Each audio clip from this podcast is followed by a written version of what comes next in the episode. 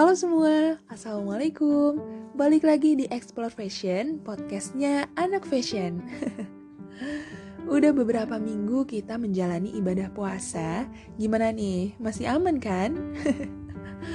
Aku yakin banget pasti teman-teman kalian satu persatu mulai dari TK, SD, SMP, SMA, kuliah, atau bahkan teman kerja bagi kalian yang udah kerja mulai ngajakin yang namanya bukber.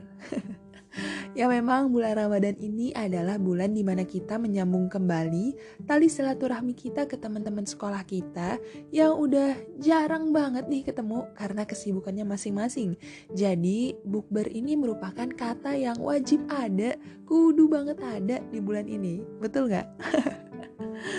Oke, okay. jadi di episode kali ini aku bakal bahas tentang pakaian yang dikenakan oleh salah satu pahlawan nasional, lebih tepatnya adalah beberapa hari yang lalu, tepat di tanggal 21 April, kita memperingati Hari Kartini. Iya, aku tahu banget, telat banget nih untuk bahas Hari Kartini, tapi nggak apa-apa. Lebih baik telat daripada enggak sama sekali kan? aku yakin banget pasti sahabat fashion juga berpikiran yang sama ketika kita menyebutkan kata Hari Kartini, yang terlintas di pikiran kita adalah kebaya. Ya, untuk zaman sekarang sih, kebaya menjadi salah satu pakaian tradisional yang akan dikenakan pada saat Hari Kartini oleh anak-anak sekolah mulai dari SD, SMP, SMA, bahkan di tempat kerja pun juga akan pakai kebaya sebagai bentuk perayaan kita terhadap Hari Kartini.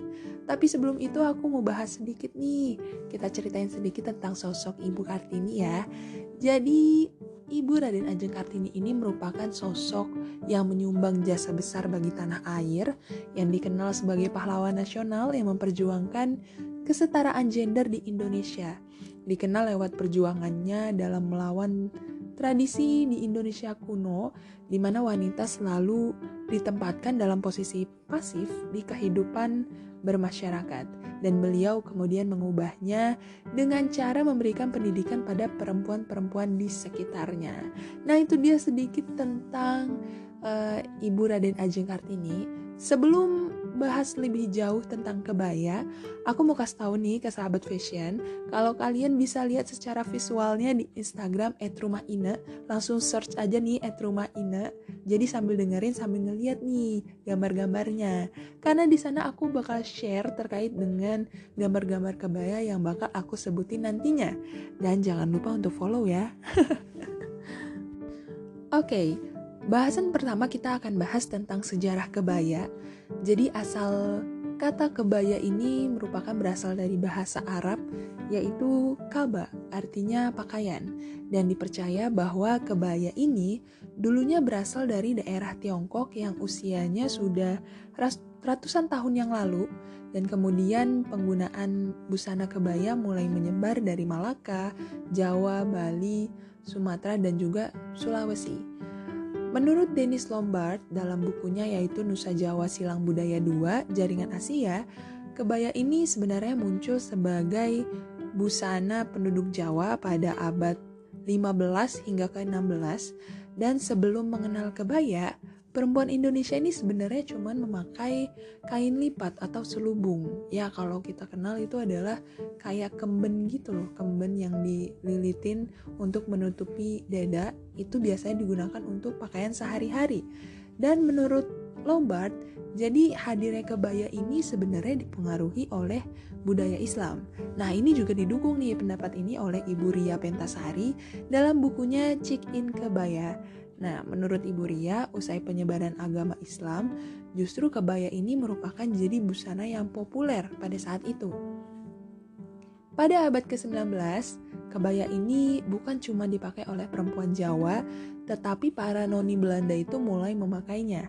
Nah, bahan kebaya yang semulanya berasal dari tenunan mori atau tenunan sederhana, ya biasalah. Dan ya Allah kayak di TikTok ya, ya biasalah.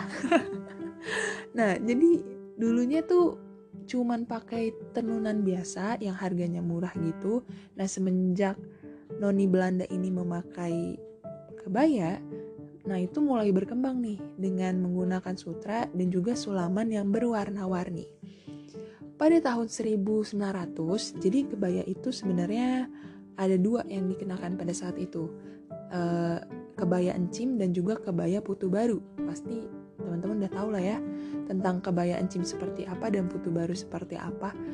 Lebih jelasnya, kebaya encim itu sebenarnya jenis kebaya yang dipakai oleh perempuan keturunan Tionghoa yang biasanya dihiasi dengan sulaman dan juga bordiran.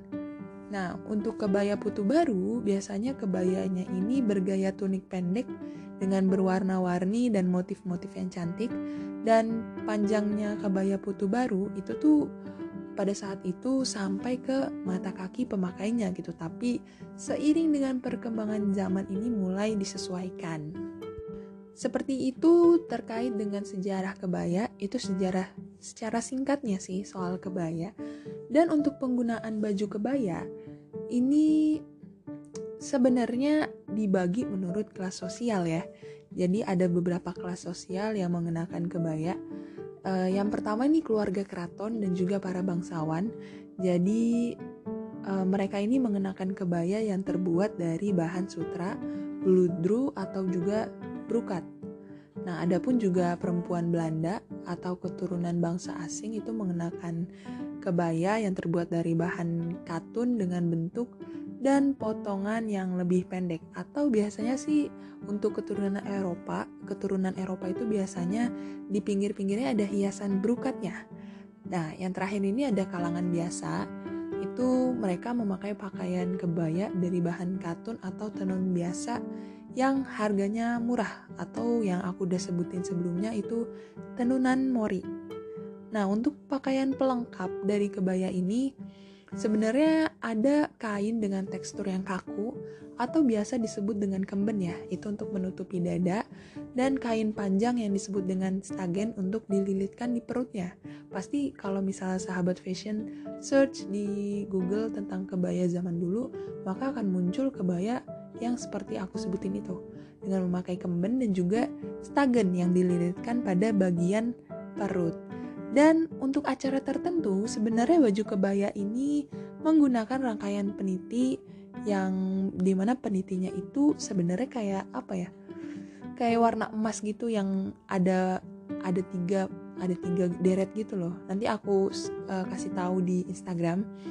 Kayak gitu, terus biasanya ada kain panjang bercorak batik, lalu biasanya rambutnya disanggul. Nah, untuk mempercantik juga nih biasanya ada perhiasannya kayak anting, cincin, kalung, gelang dan juga ada kipasnya. Nah, sedangkan untuk kebaya sehari-hari biasanya sih lebih sederhana, cuman pakai kemen, stagen dan juga kain panjang. Next ada makna dari kebaya. Jadi kebaya ini sebenarnya walaupun dipakai oleh semua kalangan ya, dipakai oleh semua perempuan Indonesia, tapi kebaya ini bukan cuma sekedar pakaian biasa. Jadi busana ini sebenarnya menyimpan makna khusus dan memiliki nilai-nilai kehidupan. Bentuknya yang sederhana itu dapat disebut sebagai wujud kesederhanaan dari masyarakat Indonesia. Selain itu juga kebaya mengandung nilai kepatuhan, kehalusan, dan sikap wanita yang harus serba lembut. Ya, bayangin aja nih ya, kalau misalnya kita nih pakai pakaian kebaya, pasti kan yang ada di benak kita, kita harus jadi cewek tulen. Betul nggak? cewek tulen, cewek lembut, ngomongnya halus, ya kan? Nah, itu sebenarnya nilai-nilai yang terkandung di dalam kebaya. Jadi ketika orang mengenakan kebaya, maka secara otomatis akan seperti itu. Karena penggunaan kain yang melilit di tubuh, jadi membuat gerakan kita ini jadi terbatas dan sulit untuk bergerak cepat. Nah, itu menandakan bahwa wanita Jawa selalu identik dengan pribadi yang lemah gemulai.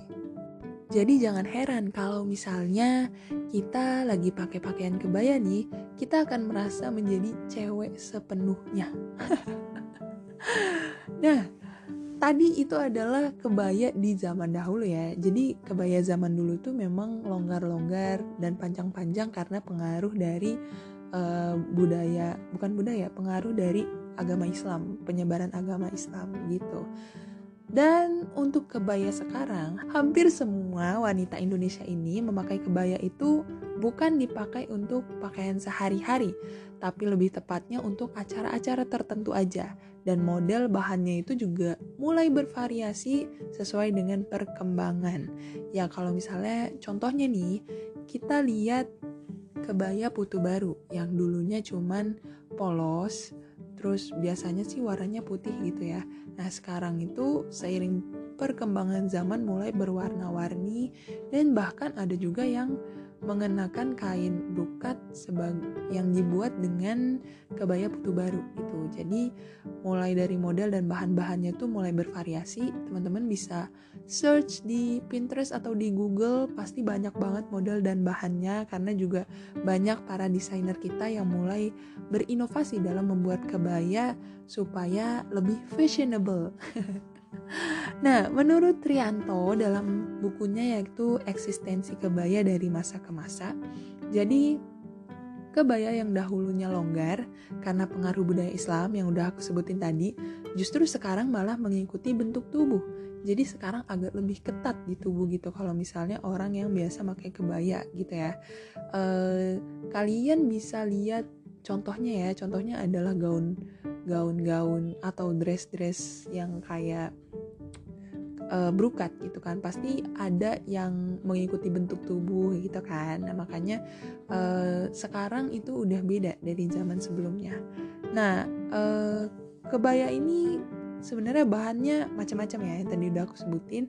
Uh, di antaranya sekarang kebaya itu ada bahan dengan brukat organdi sutra sifon atau tula atau kain tenun lainnya dengan bawahan selain uh, jarit itu kebaya juga bisa dipadu-padakan dengan kain tenun gitu. Oke, itu dia tadi uh, asal muasal dari kebaya. ya itu mulai dari sejarah, makna, penggunaan kebaya dan juga uh, kebaya dari zaman ke zaman sudah aku ceritakan. Semoga apa pun yang aku share ke kalian bisa bermanfaat buat uh, kita semuanya dan sampai jumpa di episode selanjutnya. Bye.